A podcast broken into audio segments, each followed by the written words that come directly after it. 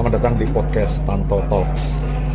Kali ini saya ditemenin sama teman saya, eh, asli orang Sunda, Didi Effendi, panggilannya Darmo ya.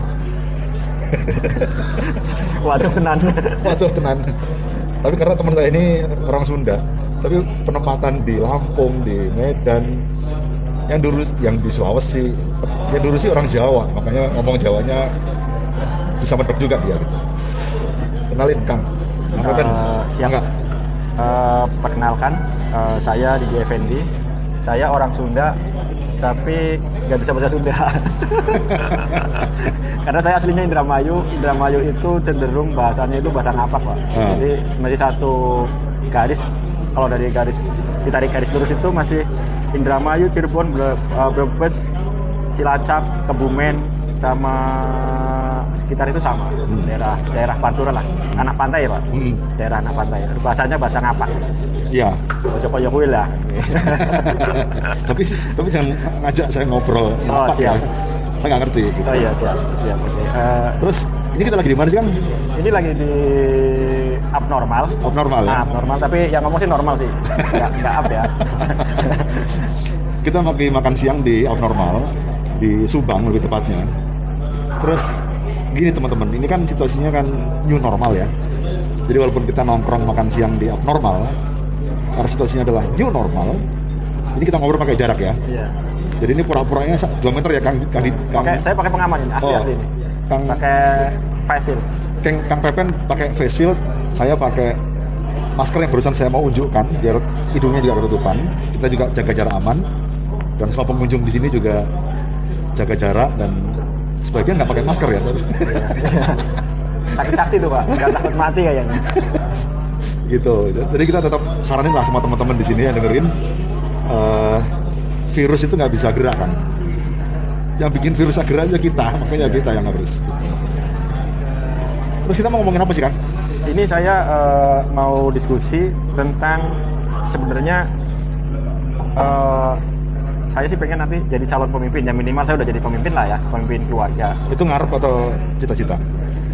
Eh, Kenapa kok diomongin ke saya gitu maksudnya? Ya, diskusi pak diskusi Oh, diskusi. diskusi Eh, Bapak kan sudah jadi pemimpin kan makanya saya eh, dalam eh, hal saya kerja di perusahaan ini jadi saya misalnya jadi suatu nanti jadi pemimpin jadi pemimpin jenis apa sih yang pas untuk diterapkan itu seperti Hmm. apa ini saya akan bahas tentang eh, jenis-jenis atau gaya-gaya kepemimpinan Hmm. ini ada enam gaya kepemimpinan gitu Tar ya. dulu, tar dulu. Nah, Ngapain Kang Pepen mau ngangkat cerita mengenai gaya kepemimpinan? Kan masing-masing punya gaya berbeda-beda. ya Kenapa kok Kang di Kang Pepen panggilan istri atau panggilan Istri. retailer? Oke. Jadi teman-teman jangan ditiru ya, Kang Pepen. Kalau ada istri yang nelpon sama dia di reject. kan cuma saya hello doang pak jadi Terus dan lirik ini jangan-jangan kios diangkat sama dia. Jadi teman-teman jangan ditiru ya. Ini contoh yang buruk nih. Terus Oke, ini, ini kita mau bahas mengenai gaya-gaya kepemimpinan ya. ya, ya. Uh, ada beberapa ada beberapa gaya sebenarnya yang mau di apa mau dibahas di sini gitu. Ada ini, ini enam. Kang Pepen tahu dari mana? dari Google pak Oh dari Google. Dari Google. terus terus ada ada apa aja gayanya? oh jadi Gaya batu, Ah, ya, gaya bukan gaya itu ya itu gaya selam ya kita gaya kepemimpinan itu ada enam Hah? itu eh, satu adalah gaya pemimpin yang berwibawa atau the authoritative leader gitu ya yang Auto kedua- apa? authoritative leader Autoritatif. Mm-mm. Otoritatif. Iya, otoritatif. Otoriter. Or- atau otoriter. Nah, Oke. kan. Satu-satu atau semua? ini Oh, satu dulu aja ya. Satu dulu Ini ya. Maksudnya apa tuh? Ini adalah gaya kepemimpinan. Ini eh, apa namanya anggotanya itu harus manut dengan pemimpin. Pokoknya mah kalau jalankan itu A harus A, tidak boleh alasan apa pun. Hmm. Ini mungkin seperti militer ya. Jadi misalnya instruksi ke bawahnya laksanakan itu langsung siap dan gitu, seperti itu. Hmm. Nah, ini eh, dalam dunia kerja yang saya sekarang saya eh, ini ini bisa digunakan tapi juga tidak.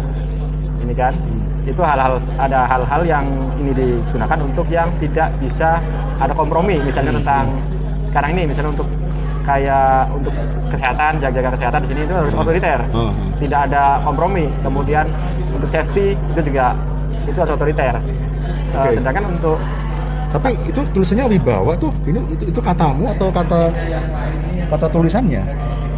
Berwibawa. Eh, ini kalau aku baca di sini ya. autokrasi Ini pro, eh, vi- visi, visioner gitu ya. Hmm. Visioner, berwibawa, otoritatif, visioner. Ini kalau aku lihat di sini, gini. Ini kalau aku baca ini ya. iya iya Wibawa itu karena si pemimpinnya itu tahu bisa menunjukkan bahwa di masa depan itu akan seperti ini. Dan bisa ngeyakinin anak buahnya bahwa, eh lu percaya sama gue. Dunia akan berubah, perusahaan ini akan berubah, bisnis kita akan berubah, dan aku udah punya visi di masa depan seperti apa eh, visi masa depan dari perusahaan kita atau dari, dari organisasi kita.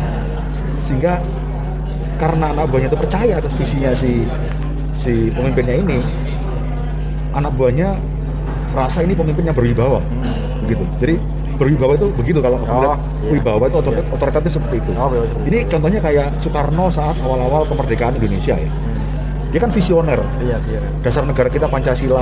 Dia me- menciptakan lima da- lima dasar negara apa namanya Pancasila, gitu ya. Pancasila, iya. ini kan semua orang kan percaya oh iya ya bener ya. Ya udah aku percaya Soekarno dan aku menganggap bahwa Soekarno adalah pemimpin yang berwibawa karena visioner oh iya iya. kayaknya sih kalau ini katanya kayaknya lebih kepada oh iya mungkin Visioner berarti gitu. salah salah saya itu ya oke Nah. padahal ini bahasa Indonesia loh kan oh iya kayaknya perlu cari Pepper kayaknya perlu cari literatur yang bahasa Sunda Oh, iya. biar nggak biar nggak salah resepsi Oh, salah salah pronunciasi nih oh iya salah resepsi Oh, salah resepsi oh ya.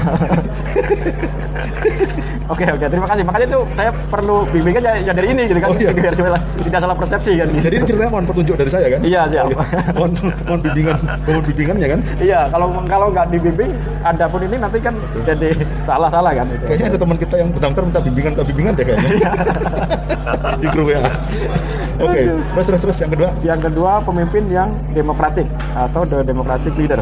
oke apa tuh apaan tuh Eh, ini nanti jangan salah lagi nih. Gak apa-apa, gak apa-apa. Namanya juga belajar bahasa Indonesia setelah bertahun-tahun pakai bahasa Sunda terus gitu kan. Iya. Ini seolah-olah jadi seorang pemimpin ini eh, berkata bagaimana menurut anda. Jadi dia itu ma- eh, ini apa namanya? Eh, jadi seorang pemimpin itu keanggotanya itu seperti apa gitu kan. Maksudnya eh, menurutnya seperti apa? Menurut anda itu ada masukan apa? Oke. Apa yang harus dilakukan gitu seperti Oke, itu. Dia minta pendapat sama Minta pendapat. minta pendapat sama Oke. eh, karyawannya ini. Kok saya jadi inget ya, kayaknya ada dulu pemimpin yang bentar nanya. Eh. Lah terus njur piye? Ini kan gak ada pemimpin kayak begitu. Gak inget ya? Dulu kayaknya ada deh pemimpin di BSF yang Oh, terus lah terus njur piye kalau udah begitu. Berarti itu, itu demokratis deh kayaknya. iya. Tapi kenapa dia bisa begitu ya? Kalau kalau tapi ini bukan masalah salah dan benar Iya, kan? iya, iya. Ini kita hanya mengidentifikasi gaya-gaya kepemimpinan gitu ya. Itu berarti kan eh, tipe kepemimpinan yang demokratis itu Iya. adalah yang eh, suka bertanya kepada eh, timnya. Iya. Menurutmu bagaimana? Itu ini bisa bagus juga sih pak diterapkan. Karena misalnya ini kan eh, dia mau eh, menerima masukan. Misalnya ide-ide dari bawahannya misalnya. Oke. dengan project A ini eh, dia kan si tim itu mungkin lebih lebih tahu kan. Hmm. lebih tahu wilayah lebih tahu kondisi lebih tahu apa. Akhirnya dia eh, ngasih masukan ke leadernya ini loh pak kondisi sebenarnya seperti ini. Ini kita yang harus dilakukan seperti ini. Oke. ini akan jenis kepemimpinan ini juga sangat disukai oleh eh, timnya. gitu Karena- karena karena demokrasi sih Ya, karena timnya juga merasa kayak diorangkan gitu iya ya. ya seperti orang Yang nggak penting gitu ya. iya dia nggak penting Oke, oke. Hmm. Terus terus itu nomor dua. ini nomor dua seperti itu kemudian nomor tiga adalah pemimpin yang berperan sebagai penentu kecepatan atau the pace-setting leader gitu The pace setting. oh ya the the pace-setting leader Pace itu kecepatan, setting itu penentu kecepatan. oh iya Eh, ini ini apa namanya jenis kepemimpinan ini seolah-olah dia mengatakan lakukan apa yang saya lakukan sekarang gitu jadi dia eh, mencontohkan dulu pak Hmm. si pemimpin mencontohkan dulu ini loh contoh seperti ini silakan lakukan seperti itu. untuk kecepatan jadi tidak apa namanya eh, tidak dia nyuruh tapi tidak jelas Hmm. dia eh, dia pokoknya eh, dia contohkan seperti ini dan laksanakan. Ini Hmm. akan eh, waktunya akan cepat sekali. Ini kayak gercep gitu ya. Iya, Gerak cepat gitu gerak ya. cepat seperti itu. Dan rasanya kalau pemimpin yang kayak begini itu biasanya dia Ahli. satu enggak aku ngeliatnya gini, Iya. satu ahli mungkin. Nah, Ahli lah iyalah Iya. mungkin sih.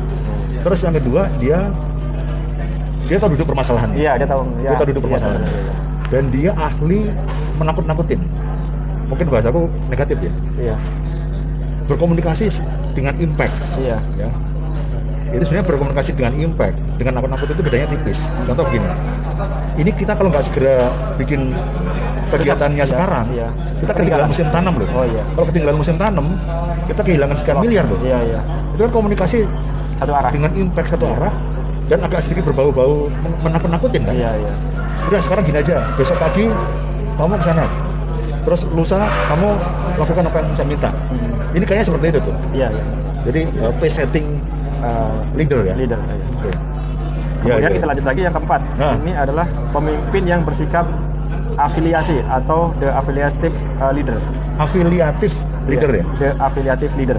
Apa tuh maksudnya? Ini uh, ini adalah uh, jadi orang-orang yang dalam perusahaan adalah para individu yang harus diutamakan. Uh, Gimana gimana gimana? Afiliasi. hmm, afiliasi. Kalau aku melihatnya gini, afiliasi itu di dalam sebuah tim itu kan nggak semuanya kemampuannya rata-rata. Oh iya. Pasti ada beberapa orang yang kemampuannya di atas rata-rata. Hmm. Oke, misalnya untuk urusan eh, apa ke kios kita percayakan kepada Pak Darmo Iya. untuk mengkoordinir teman-temannya atau memberikan saran untuk ke kios apa kira-kira kegiatannya. Terus nanti untuk yang ke bagian ke petani kita percayakan kepada Pak Samsul. Iya. Tolong diberikan masukan agar teman-temannya yang lain bisa memberi me- mendapatkan contoh yang benar apa kegiatan untuk ke petani. Iya. Nanti untuk yang masalah bikin proposal karena harus pakai bahasa Inggris mungkin eh, Pak Hadi. Iya. Ini kayaknya afiliasi arah situ. Jadi Iya. leadernya itu seperti semacam mendelegasikan gitu ya. delegasikan ya. Eh, ber- atau berafiliasi dengan beberapa orang yang di dalam yang yang organisasi yang dianggap lebih ahli iya. sehingga bisa memberikan lebih kompeten, contoh. Pak, ya? Ah, lebih berkompeten Iya. bisa jadi mungkin afiliasi ini dengan anggota tim yang lebih ahli Hmm. atau anggota tim yang lebih senior atau anggota tim yang dianggap eh, dihormati oleh anggota-anggota tim yang lain walaupun jabatannya mungkin sama Iya.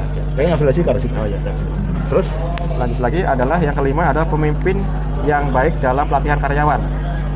Uh, the coaching leader ini. oke coaching leader Iya, coaching leader. Ini adalah uh, jenis pemimpin ini adalah dia uh, apa namanya? Dia aware untuk uh, melatih uh, karyawannya dengan ilmu yang baru, Pak. Jadi, Pak. mengembangkan Iya, menge- menge- mengembangkan dirinya gitu. Hmm, hmm. dengan pelatihan-pelatihan. Ini juga ini uh, jenis pemimpin ini akan sangat disukai oleh para karyawan. Hmm. Uh, ini mungkin sama dengan yang saya lakukan di sini. Gitu kan, Oke. Ntar kita cek oh masih jalan kok rekamannya terus terus Iya, itu Sebentar, aja coaching leader itu berarti yang itu ya Iya, yang, yang mendevelop yang mendevelop, mendevelop. Oke. itu pelatih. kayaknya coaching leader itu mirip-mirip dengan yang afiliasi tadi tuh kayaknya. Tapi kalau ini di, ada training ada apa kalau ini pak? Jadi dijadikan ahli kan? Kalau Hmm. yang afiliasi kan jadi yang berkompeten mana itu yang di Hmm. yang di apa apa yang di ini kan yang di uh, instruksikan kan. Kalau ini jadi uh, misalnya kayak yang sekarang-sekarang ini kan saya misalnya kelemahan di apa di tentang Hmm. kepemimpinannya harus seperti apa sih? Nah itu di, di coaching kita diarahkan, di training atau di apa gitu kan? Oke, oke, ya.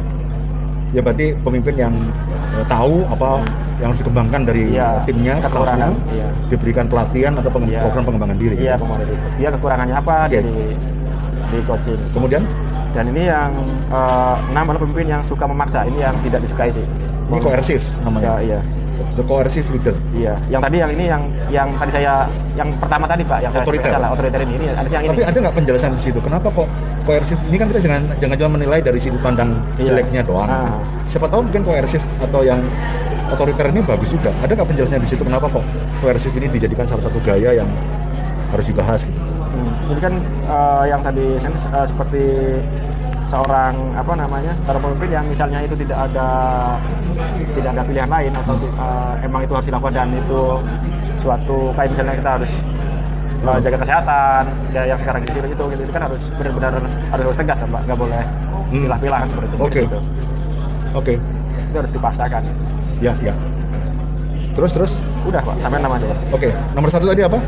yang nomor satu uh, adalah pemimpin yang berwibawa Berwibawa. Ah. Oke. Karena punya visi. karena punya visi Oke, kemudian terus nomor kedua dua? pemimpin yang demokratik Yang suka nanya. yang suka uh, Nanya konsultasi. konsultasi masukan ke timnya Ya, yang suka bilang lanjur piye tadi itu ya. Ya. Oke, terus. Kemudian yang ketiga tiga? pemimpin yang berperan sebagai penentu kecepatan. Oh, karena dia Oh. suka nakut-nakutin, Oh, iya. gercep, berkomunikasi dengan impact. Kamu kalau nggak segera gercep akan begini, akan begitu. gitu Iya, ya. siap. Nomor Kemudian yang keempat uh, pemimpin yang uh, bersikap afiliasi. Oke, yang mendelegasikan pada orang yang orang kompeten tadi. berkompeten, nah. Dan kelima, Lima, pemimpin yang baik dalam pelatihan karyawannya. berarti yang mentoring, Coaching, mentoring, eh, coaching, training, segala Training. macam. Oke, Dan enam. yang keenam adalah pemimpin yang suka memaksa. Oke, yang yang otoriter ya. Yang otoriter. Oke, oke baik. Terus em, saya punya satu teori yang perlu kita bahas di sini. Tapi sebentar. Oke, terus gini Kang. Hmm. Tadi kan ada enam gaya kepemimpinan ya. Iya. Menurut Kang Didi kira-kira apakah kita perlu satu gaya ataukah perlu beberapa gaya? Perlu beberapa gaya, Pak. Kapan gaya nomor satu dipakai, nomor dua dipakai, nomor tiga dipakai, empat, lima, enam dipakai? Menurut lo? Gaya satu yang visioner. Itu yang kapan? visioner itu eh, kita kan harus wibawa ya jadi kita juga harus ahli eh, misalnya kita presentasi pak. Presentasi misalnya presentasi produk kan ke petani gitu kan atau ke itu kita harus ahli itu harus wibawa oh dia mah eh, si audiens. Berarti menganggap kita itu ahli oh ini orangnya ahli banget. Itu wibawa itu seperti itu Ya, dan ini kayaknya kita perlu yang gaya model gini nih. Kalau kita mempresentasikan suatu project, iya betul. Mempresentasikan suatu eh, eh, rencana bisnis, iya. Rencana kegiatan, rencana Iya, kerja. iya. Pak nanti kita akan begini, kita akan begitu, kita akan Iya. begini sehingga kalau kita punya visi dan kita bisa menjelaskan visi itu, otomatis tidak hanya tim kita yang iya. menganggap kita berwibawa, tapi bahkan pimpinan kita juga merasa, wah anak ini si Pepen ini kayaknya berwibawa, karena dia tahu visinya apa, iya iya. Gitu kan? iya Pak. Terus nomor dua itu tadi eh,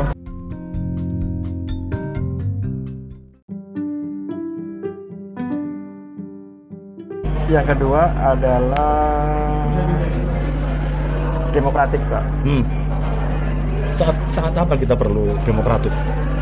Eh, di saat dikala kita itu eh, kita kan tidak semua tahu pak ya. Tidak semua tahu dalam hal. Misalnya kita punya tim kita ditugaskan di wilayah yang jauh dari jangkauan kita kemudian dia tahu tentang kondisi wilayah kemudian kondisi semuanya lah di situ kan. Nah, kita perlu demokratik di situ. Kita perlu diskusi di situ.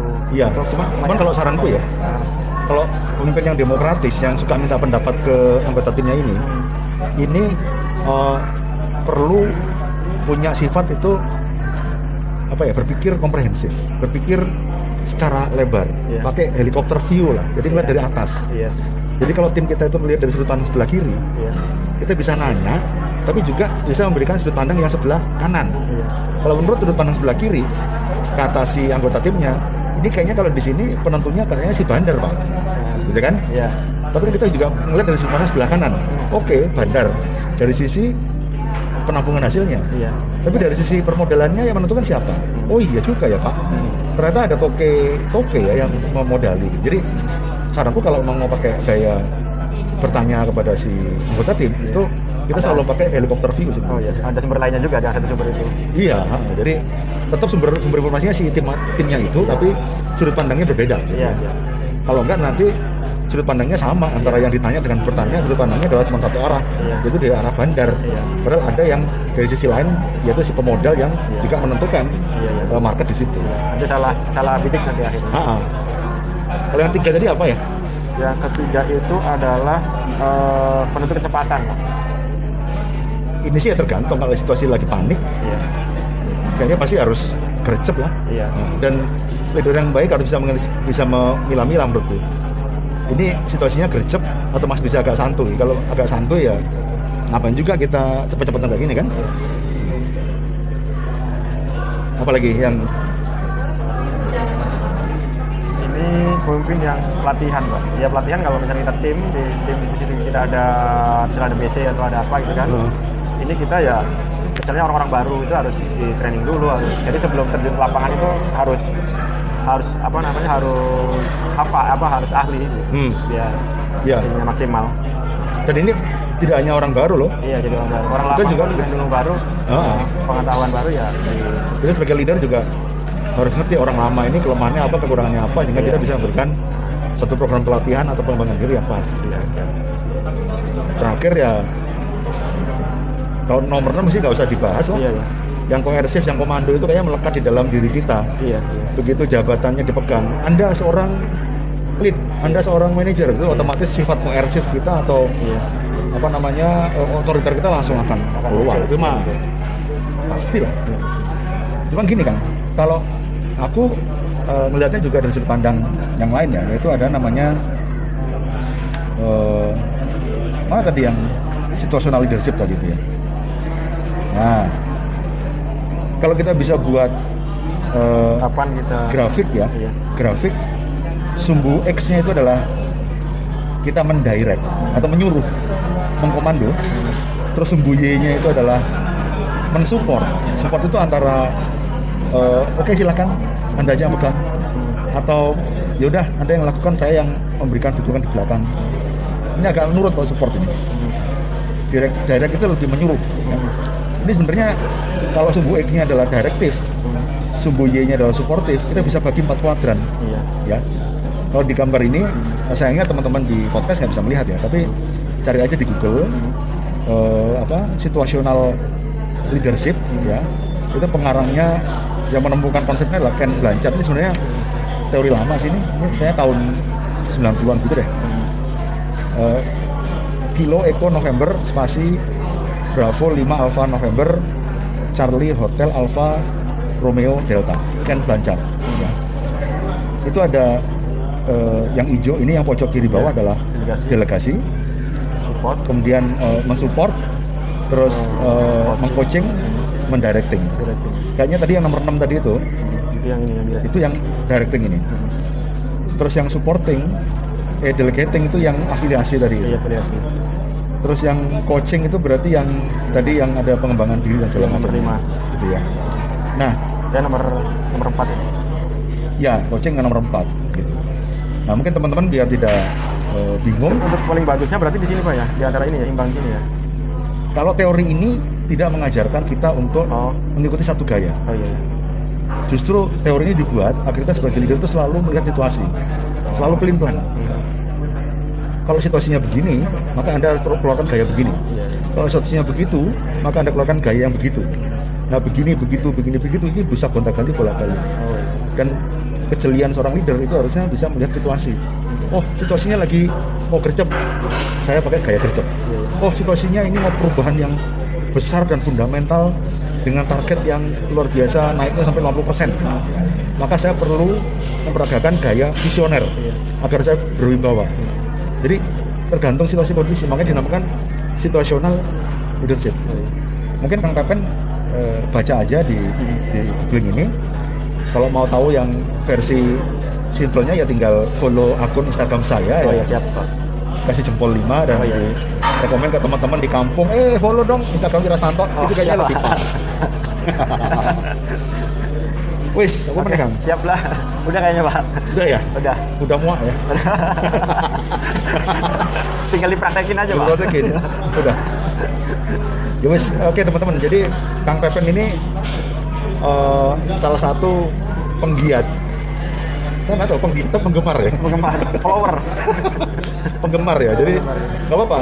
Paling nggak Kang Pepen ini punya semangat untuk mempelajari eh, leadership. Nggak cuma teorinya doang, tapi juga eh, aplikasinya bagaimana gitu ya. Dan ini saya janji nemenin Kang Pepen kalau Kang Pepen ketemu teori-teori seperti tadi ini kita bahas di dalam podcast kita biar teman-teman yang lain juga bisa mendengarkan dan itu dan dan mengikuti gitu. Dan insya Allah ini teori bukan cuma teori doang. Kalau teori doang mah nggak ada gunanya ya. Iya. Kita sebagai praktisi itu kita sebagai pekerja di lapangan harus dilaksanakan bisa memberikan contoh. Iya, gitu. Kalau teorinya begini, contohnya gimana sih? Iya, iya. Kalau teorinya begitu, te- contohnya gimana sih, gitu kan? Dan kita terapin di lapangan. sorry teori, teori yang tadi siapa sih yang ngarang boleh tahu nggak pengarangnya siapa tadi yang tadi si Profesor ini, si- ini siapa? Goleman Hah? menurut Profesor Goleman Goleman ya iya Goleman Goleman Golof o, Golof Oscar 5 Eko Mama Alfa November Goleman siapa sih Goleman ini? Oke teman-teman eh, kita cari. Pak dari Fakultas oh dari Harvard. Di ya Harvard. Harvard. Jadi Fakultas Bisnis Harvard, Profesor Goleman membuat 6 kayak kepemimpinan yang tadi gitu ya. Tapi menurut Profesor Pepen ya di- diterapin aja ya. ya siap. Baik, mungkin pesan-pesan terakhir buat teman-teman. Ya pesan terakhir. jangan Pak. Mau ke mana masih butuh bimbingan ini dan pesan terakhir pesan terakhir. Apa eh, dari buat teman-teman yang dengerin ini dari Kang Pepen?